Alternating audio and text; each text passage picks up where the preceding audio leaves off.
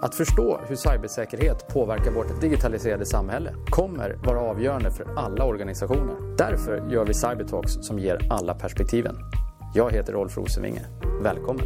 I dagens avsnitt av Cybertalks har Rolf bjudit in Charles van der Walt, Head of Security Research på Orange Cyber Defense. Charles är den första gästen som återkommer i Cybertalks och denna gång pratar de om Charles rapport kring SolarWinds-attacken. Hej och välkomna till ett nytt avsnitt av Cybertalks. Eh, jag gissar att eh, de flesta av er har hört talas om SolarWinds-incidenten. Eh, idag har jag med mig en gäst som har varit med förut. Charles van der Walt från Orange Cyber Defense and Head of Security Research. Welcome back Charles. Thanks Rolf and, and thank you for having me again. It's always good to talk to you. Yes, it's um, you're actually the first guest reappearing on Cyber Talks, which must mean that uh, we received a lot of great feedback the last time. So thank you for wanting to to come back. Uh, thanks, my my family is very loyal like that. so, uh, for those that may not have heard the first episode where you appeared, you are head of security research for or Orange Cyber Defense, and you are based in South Africa, right? Correct. Yes, I'm based in Cape Town in South Africa, uh, where we're experiencing a lovely, warm, sunny summer, unlike your very icy cold winter. Uh, but our, uh, our, our turn will come, no doubt. Uh, yeah. And well, as you said, I, I work as the, the head of security research for Orange Cyber Defense. Um, and just very briefly, Rolf, it's um, to put that into perspective, it's my job for the business to ensure that we understand what's going on in the security landscape, uh, both day to day, but also you know in terms of the big picture, and then to you know find the best way to communicate that through to our customers, but also to ensure that that understanding of the landscape finds its way through to our various uh, product offerings, our solutions, but and also our operations. Uh, you know where we where we work to protect our customers on a daily basis. Excellent, and uh, um, and thank you first of all for for skipping past all the, the, the, details on the warm weather in South South Africa now that we as as we have been experiencing quite uh, quite some some some real uh, cold temperatures and, and real winter here in Stockholm. So, um, but um, so one of the reasons I, I really wanted to have you back was, of course, first of all, that the the, fir the first episode we did, I think there were some really cool things uh, coming out of that discussion, and, and some of the, the stuff that you and the team is working on is really insightful. And but also the fact now is that you you released a report called uh, Winds of Change, uh, basically covering the the solar winds um, incident and some of the learnings and, and facts around that, correct? Correct, yeah. So, um, you know, it's funny, last year uh, I walked into this job in February last year and immediately got hit with the whole corona crisis and everyone wanted to know, you know, what that meant for security. So we spent a very frantic few weeks trying to come to terms with that. And this year I came back from vacation and walked into the SolarWinds crisis and everybody wanted to know what was going on. And so we spent a very few very hectic weeks uh, trying to examine that. Yeah, we, we, we're proud of what we came up with, and I think it's um, I think it's a solid piece of work, and uh, you know I'm, I'm proud to, to, to publish it under my name. Yeah, and, and and that's actually probably the place to start. So first of all, congratulations to a great report because I, I think there are many have written many things and but uh, I really like the report and uh, and I'm sure a lot of the listeners will will turn to this as well. So winds of change. Uh, so also maybe one place to start the the deep dive here is in the report. One of the things that you write here relatively early in the report is the victim here is ultimately trust and maybe maybe if you would like to comment on that, but also maybe just give a very brief background to the to the overall SolarWinds crisis, which I think is also an appropriate label to to this. Thanks. Yeah. So, so SolarWinds is interesting. Everything we know about it is interesting, um, but there's also a lot that we don't know about it, which is almost more interesting. I'll, I'll, I'll come back to that in a moment. But but what we know is that as as far back as two and a half years ago, um, a group of obviously very sophisticated actors, allegedly Russian intelligence services, um, started this operation um, in which they firstly compromised the software supplier SolarWinds. Uh, having compromised them, they then used used very specific, very sophisticated um, malware that they injected into their build process. And the build process is this, um, you know, the combination of processes and, and technologies that take the source code that the various developers write, um, put it into one place, and then compile it, make it an executable, and then bundle that executable down into a, you know, an installer of some kind, and then put that installer uh, where their customers can get it. Uh, and in this particular case, it was a, a network monitoring platform called Orion.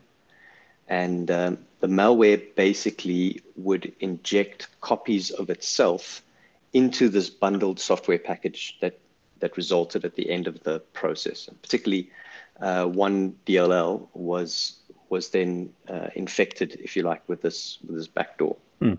So as a result, when Orion's customers did what sorry what SolarWinds customers did what you would expect them to do and downloaded the software, the new version, uh, they were downloading this this backdoor. And the backdoor would then, um, if the software was loaded and run, would then uh, attempt to beacon out onto the internet, download yet another payload, which would give the uh, attackers command and control over that system, from which they could then move laterally, you know, across the environment that they've now uh, compromised. Mm. Um, and then an interesting twist, uh, which I don't think has been explored enough in the SolarWinds case, is that one of the things they then did was to use some relatively novel techniques to use their compromise of the on-prem network where you know Orion is typically installed, um, and with that to pivot into the uh, particularly Microsoft cloud environments of these uh, of some of the victims, uh, you know the Office 365 and M365 environments. Yeah. Um, so you know that's kind of what we that's kind of what we know um, in in terms of the victimology. Uh, SolarWinds has in excess of 300,000 customers. They report that um, that 18,000 customers downloaded the affected version of their software. That's the software with the with the, with the backdoor in it. 18,000 is an enormous amount, but remember, um, this backdoor really only becomes a compromise if the customer installs and runs the, that version. And if that implant then um, succeeds in beaconing out to the internet to get this, uh, this third stage. Um, and even then, it only really becomes a compromise if the attacker then decides to use that implant to move laterally in that, uh, in that environment.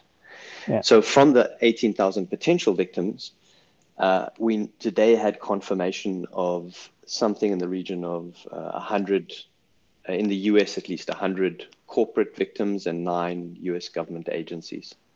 Uh, but other mm. numbers have been much bigger than that, um, you know, so as many as 250. But uh, I guess one of the interesting things about this is that we just don't know. Um, mm. And I guess many of the potential victims also just don't know. Uh, which kind of speaks to your question about the, the victim being trust. Yeah, and and so, all right. So if if we like patient zero somewhere like I think you're right, September 2019 approximately, uh, al- allegedly Russian intelligence um, targeting uh, SolarWinds and specifically the Orion platform. So, what, what's your take? Why why was the like the Orion platform selected as as a suitable target system um, in the first place? Yeah, that, that's a very good question. Um, and, and I guess I've got two thoughts on that. The the first is that supply chain attacks are powerful because of the force multiplier effect that they have. So an attacker could spend an amount of time and energy you know, targeting one business or targeting a, a, a cluster of businesses and have some success or not have success. Um, but if you are successful with a well-targeted supply chain attack, you get this force multiplier, right? You get from you go from one compromise to 18,000 victims. Mm. Um, so, you know, and, and in this case, it was SolarWinds. Um, previously, the you know the big story was uh, NotPetya and this um, Ukrainian uh, tax software company that got targeted in a similar way and for similar reasons. Mm. What we don't know, so, so it's kind of obvious, I think, why they would have gone for a SolarWinds and A Orion. It's because of the it's because of the scope. Whether SolarWinds was very carefully selected, uh, whether they were perhaps targeting a whole lot of similar businesses and just happened to succeed with SolarWinds, or whether they opportunistically compromised SolarWinds and then decided to do the supply chain attack, that at this point I don't think we know. All right, fair enough. Um, but it, I, I still think from an analytical standpoint, those are actually relatively interesting things to hopefully over time get get more details on and I'm sure you guys are working on that but so can we also maybe for those that may not have read all the details yet, also talk a little about so about so who was actually breached. You talked about the 18,000 potential, and then the, it's funneled down to a, uh, roughly 100 uh, confirmed uh, targets, some in in the uh, public sector and some in the private sector. Can we talk a little bit about who we know is confirmed, and and, and maybe your take on why you think they uh, these specific targets were targeted, etc. So I, I, have to confess, Rolf, that I, I don't have the list of victims at hand, um, and it's also changing on a daily basis. Um, let me try and answer the first part of your question and then uh, comment on the second one, though. Uh, so, in terms of the range of victims, as I said, we, we received data from the US government, I think it was today, saying, you know, 109. Mm. Um, previous reports in the media, for example, had suggested as many as 250. So I'm I'm still a little unclear as to who uh, you know what the total list of victims was. Um, what we do know is that several uh, government agencies, uh, U.S. government agencies, including in the Defense Department, were were targeted, uh, as well as several several others. Um, we also know, and perhaps this is the two the two most interesting uh, examples, is that Microsoft themselves were targeted, mm. uh, and targeted quite successfully by all accounts, um, to the extent that uh, uh, uh some of their source code was accessed uh, in a, in, a, read-only mode, so not changed but just read, um, and downloaded. Um, and ironically, the source code, much of the source code that was accessed and downloaded um, involves the logic of authenticating a user to the cloud, which is exactly the mechanism that the uh, the attackers exploited to to pivot into the cloud. So we know that Microsoft was a uh, themselves were a victim, um, and we know that several security companies were victims, including FireEye, who um, were the ones who eventually kind of uh, sounded the alarm on this. Uh, all those, you know, very many months later. And then from um, Microsoft's uh, victim demographics, we were told that about 40% of the victims were in sort of the information industry, so IT integrators, software suppliers, people like that. Um, and a relatively small percentage were uh, government agencies. Mm. Um, that's that's kind of what I have uh, in terms of what the victimology looks like at the moment. Sure.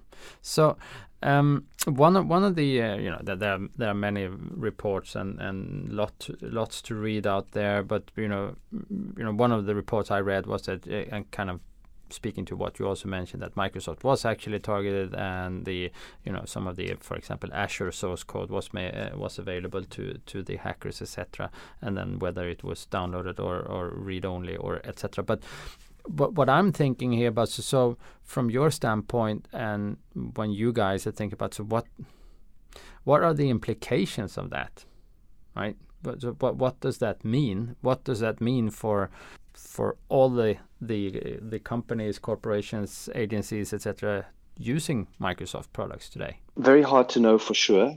Um, Microsoft is saying two things uh, with regards to the threat model. Firstly they're saying that um, there's no evidence that the attackers used knowledge gleaned from the source code in this in this attack. Um, they're saying so. It's three things. So it's the first is like they, they're saying there's no evidence that they used the source code in any way in their attack. Secondly, they're saying that um, the their threat model assumes that an attacker has access to source code.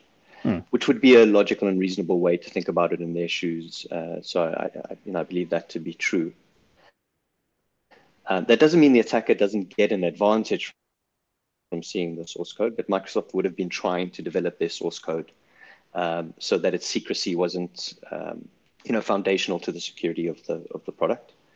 Um, and the and then finally, what they were saying is that well, no, I can't remember what the third thing was.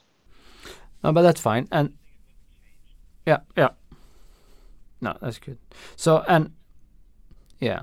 And and you know the reason for asking these questions is of course not to pick on Microsoft uh, and and uh, and I'm sure we will also have a chance to speak about what you mentioned about FireEye etc. And and just just kind of inserting a comment here. I think it's um, I think in our industry, as a general, more of a general statement, I think we've been very good at uh, assigning blame, uh, and I think that's. I, I, don't personally. I don't think that's the way to think about this. I think it's about uh, learning, and uh, the more transparent we are, the more we actually. Be, everybody talks about threat sharing, but as long as long as someone else is sharing and I'm I'm consuming, uh, but but so in in one sense, I think it's like really good that we get this on the table and and also you know um, that FireEye so openly disclosed what what happened to them uh, you know despite being being a leading security firm. And I think um, I think that's a good trend and uh, of course also interested to hear he, hear your thoughts on on that.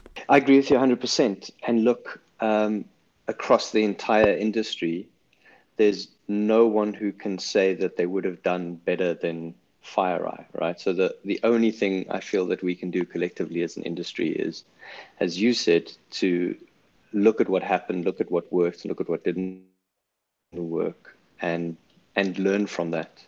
So I don't I don't think there's a, I don't think there's a light to be shone specifically on FireEye or specifically on Microsoft. Uh, I think there is room for a for a collective uh, self examination. Um, you know of our of our success, I guess, as an industry and um, in the face of this kind of uh, attack, and mm. a concerted effort to to genuinely learn from it. Some and maybe also in in you know to to get to that part to the to the learning, but maybe first, so do we know, you know, of the affected organization where we have a confirmed breach? Do we know was anything stolen? Were they impacted otherwise, uh, or do we know the outcomes of the attack? I'm I'm not aware of anything uh, beyond the, the Microsoft disclosure so far. Microsoft has, like FireEye, been relatively transparent, uh, although not entirely transparent. They also, for example, won't reveal which of the software was downloaded as opposed to you know, which software was only viewed. Mm. Um, but beyond that, I don't think we know what the uh, uh, what the impact is going to be. The, there is a narrative that suggests that we're dealing with uh, espionage, so that the you know the goal of the attackers wasn't to cause damage, but was to siphon away information, you know, whether that be strategic or business intelligence or IP, whatever the case may be. Um, but honestly, I haven't seen or heard anything that um, concretely answers that question yet. No, and and uh, it will be interesting to see if we ever find out. And and I guess maybe sometimes the the way to actually learn more about this is, is actually to backtrace uh, track it and and and see how much you can learn about the allegedly attacker and, and who exactly and specifically was, because that would probably also indicate some of the uh, of the of the real targets uh, if you understand their their wider scope, modus, and and uh, and. Uh, but there's also just to come back to this point. I think that the two very interesting dichotomies. The the one is in the there's a dichotomy between the value of a breach to the attacker and the cost to the defender that I always find very interesting. So you know, one way to look at the impact of something like this is to say, well, how did the attacker benefit? You know, what did they get? Mm. Another way to look at it is to say, well, what was the impact on the uh, on on the defender, on the victim? And of course, those things may be completely asymmetric, right? It, it may impact the um, the victim much more than it benefits the uh, the attacker. Um, and the other dichotomy is between um, strategic and opportunistic uh, tasking by the, by the operators. So, you know, what's very difficult for us to know is whether they started out with a specific game plan in place and said, okay, this is what we're going to do for these reasons, or whether, for example, they stumbled on SolarWinds, um, then attempted the back door, and then found out, okay, we're now in 100 or 200 or 300 businesses.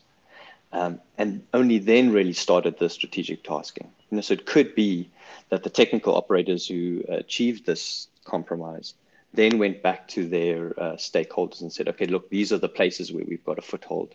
Who hmm. wants mm. what? Yeah. Um, and then proceeded from there. So yeah, those questions are going to be very difficult to answer, I think. And as you say, maybe the place to answer it is, but hopefully we'll get uh, insight from the source at some point. Yeah.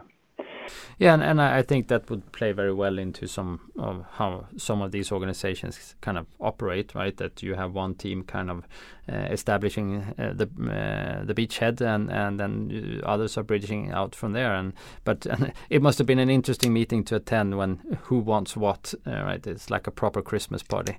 So yeah, but um, um, so so based on what we know, um, maybe a, a an interesting conversation on on this episode is also so what does that mean? You know typically a lot of the audience here is like CISOs etc and how should we think about because this is also there's a spe- there are some specifics of course uh, but there's also some some wider things to think about. How should you how should you protect your organization and are there any changes you should think about making to your overall cyber program based on some of these learnings or how, how do you think about that? So um, let, let, me start by saying what I don't think.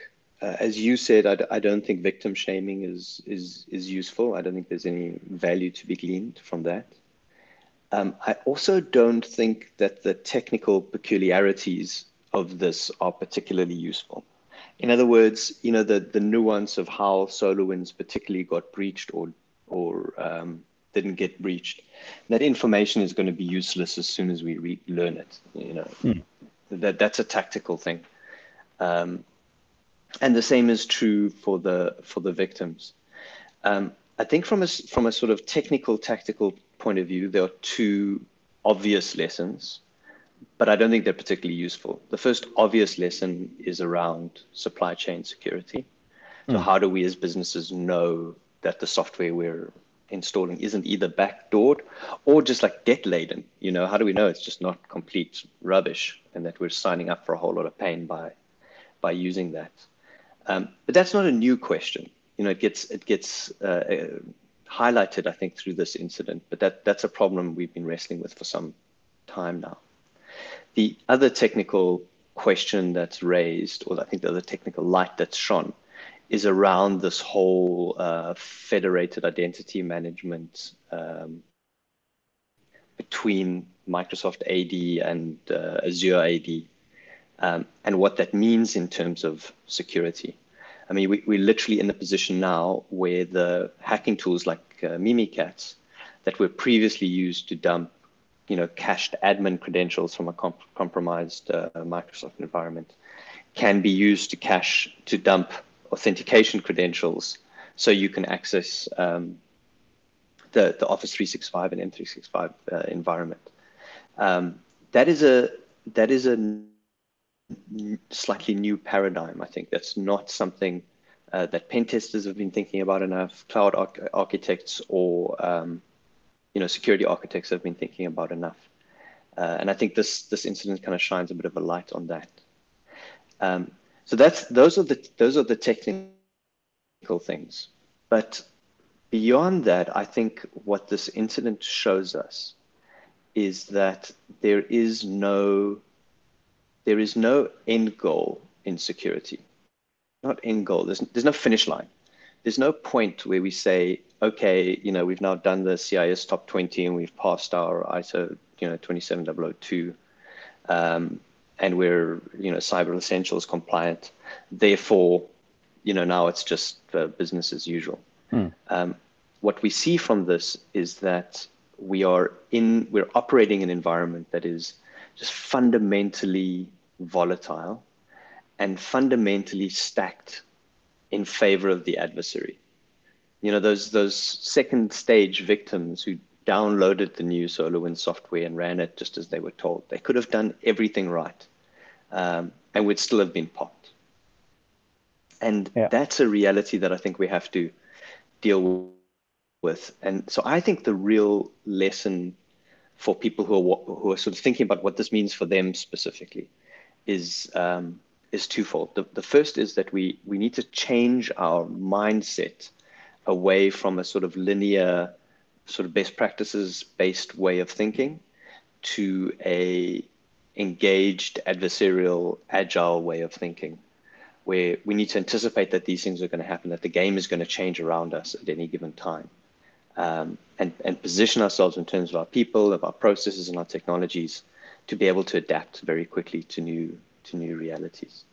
Mm. Um, and then the second major thing, and we, you know, we really talk about this at length in the paper, is that we need to recognize that that fundamentally asymmetric and volatile uh, reality that we deal with, that is the function of bigger systemic forces um, that create this context. That you know, we, we, sort of become the hamster on the wheel, if you like, um, but we're the hamster on the wheel because we're we're in an environment that is never going to get us give us a chance to get off that wheel. Um, so the two things we need to do is a yeah. understand that and anticipate it and start to uh, orient ourselves accordingly. But B also start to understand and engage with those systemic factors that put us on the wheel uh, in the first place. Because mm. until we do that, you know that wheel is just going to keep spinning, and we're just going to be running from crisis to crisis to crisis. Yeah, and I'm not sure that's a, a, comforting thought, but I think it's it's it's probably a, it's it's it's called out as it is, right? And and I, I find that easier to work with. Uh, that we all when once we all agree what what the ballpark uh, actually look like and uh, and where we are on the map, it's it's also easier to to to focus in on and, and do do the right things. And I, I just wanted to play back a couple of things you said, right? So first of all, security is a process. There isn't that, that, finish line. I think that's obvious to many, but but still needs some reminding sometimes uh, when we are all engaged in like traditional projects, etc. Um, but but the other thing, and probably the most important thing that I wanted to play back on what you said was, you know, the need for agility. Right? I think sometimes the like the business IT teams, if you like, are are generally speaking, well ahead of us. You know, they've been working with uh, like SAFe uh, frameworks and lean agile and, and stuff like that to really make the businesses more agile and deliver more faster with minor tweaks constantly rather than big bang solutions etc i actually think as an industry uh, we have something to learn and i i see i definitely see security teams being um, on this and, and picking up a more agile uh, way of delivering their overall programs. But but I still think, generally speaking, I, I, I think we could do more here. Does that resonate? It, it, it absolutely resonates with me, and you, you know what I've what I've been spending a lot of time thinking about is this, um, you know, this U.S. Air Force uh, ideology of the of the so-called OODA loop, I'm, yes. I'm told my, if my you favorite, say my favorite loop. Yeah. I'm told if, if you say OODA loop, then uh, you have to buy someone a drink. So I, I apologize for that. Um, but I've really thought about this for a long time, and I and I think that there is something powerful in that idea because it's a, a structured way of thinking about an environment that is fundamentally uh, volatile and adversarial. You know, it, it was designed to help strategists and uh, fighter pilots in particular yes. um, think about what they're doing in a in a structured way. You know, you, you, can almost not think of anything more volatile and adversarial than a you know than a dogfight. Um, and it just says to us, look, you know, think about implementing these practices in how how you set your priorities, how you invest your resources, uh, what you expect from your people. I don't think there's a magic bullet, and I don't think that we know exactly how to do it yet. Um, but I think that idea of uh, you know constantly taking in new new information about what's going on around you, uh, determining how that information impacts you, um, and then acting on that is and doing that in a circular fashion with a view to getting better and better and better and better at it. Uh, I think that's a powerful idea, and I think uh, that that's another mm, you know analogy that we we can apply, another domain that we can learn from uh, to be a little bit better at what we do absolutely. And uh, no I, I, I agree. I had the opportunity to in in relatively uh, much detail study the uh, the concept of the OODA loop and and some of the effects of it and had a, have had uh, several opportunities to also practice it which is uh, it is really powerful. And and typically at the end of of cyber talks episodes we we we talk about so what has informed or, or inspired you. And and I think um, you know for those that haven't familiarized themselves with the OODA loop concept, I think that that could be something. But um, you know, time flies. Um, I, I, have a couple of more questions, of course, and um, so we had SolarWinds. Um, we state that um, you know th this this will happen again, and and it also speaks to kind of the overall operating environment that we are all working in. So the obvious question, also of course, to ask ahead of of security research is then where will we find the next big incident? Will it be another supply chain incident, or where where where do you think um, stuff will happen? I realize it's a completely uh, impossible question to answer, but uh, but, but I, I, have to ask, right? Well, um, let me try and answer your question in two different uh, evasive ways. so I'm going to dodge your question twice, but hopefully my answers will be somewhat illuminating. Um, the, the first is if we look at the systemic factors that created the SolarWinds uh, incident, uh, in our minds, that's the investment by governments into computer hacking capabilities, number one. Uh, number two, the accrual of security debt by businesses over time. That's basically the underinvestment by businesses that you know accrues interest uh, over time. Uh, is the second major factor. And the third major factor is what we call interdependence, which really just speaks to the way that technologies and businesses and the businesses that use the technologies are all kind of interconnected with each other. We can't really untangle it.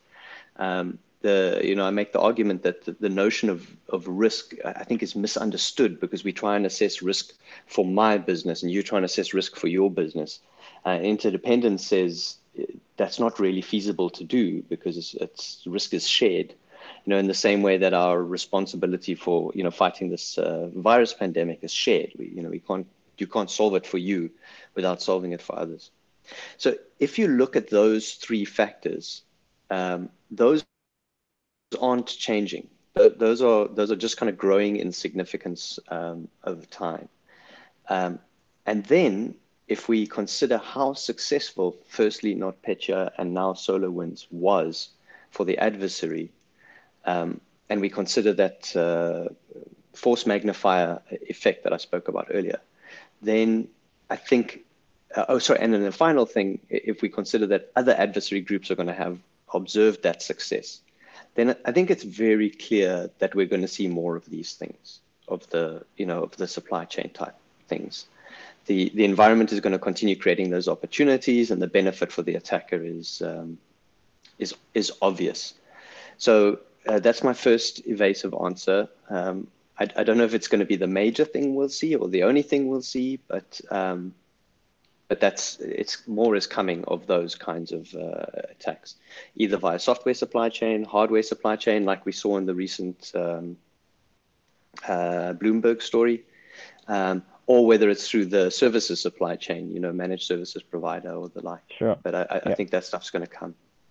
And then the other thing I would say and I, will get no points for saying this, but again, if we look at those systemic factors, then on the one hand, they very strongly predict more supply chain attacks. The other thing they very strongly predict is more um, ransomware attacks or extortion attacks. So, um, you know, I'm not sure which of those two is going to occupy the headlines more. Uh, I have been advising our guide, our customers that whilst SolarWinds is a real eye opener and supply chain are clearly gets put on the map in a way that it perhaps wasn't before, uh, I still think that the overwhelming risk is in is is with regards to ransomware. Uh, that is still just a perfect storm, and nothing has changed. Uh, you know, that's going to stop that from just growing and growing and growing. Mm. No, I and thank you for that. And and uh, I I actually think there was a lot of knowledge, experience, and insight behind those answers. I didn't find them evasive at all, actually. So thank you for sharing that. And and uh, um, so uh, Charles van der Walt, thank you for joining us again here on Cyber Talks. It was a pleasure speaking to you and, and also hearing some some insights all the way from South Africa. Rolf, as always, thank you very much for having me. It's much appreciated. And uh, if you haven't read it, it's uh, the report is uh, Wind of Change, uh, issued by Orange Cyber Defense and Carl and his uh, Charles and his team. And um, please read it. I think it's definitely worth the read. And to all the listeners, thank you for today and until next time. Podden är ett samarbete mellan Cyber Insights och Orange Cyber Defense och spelas in och klipps på Media.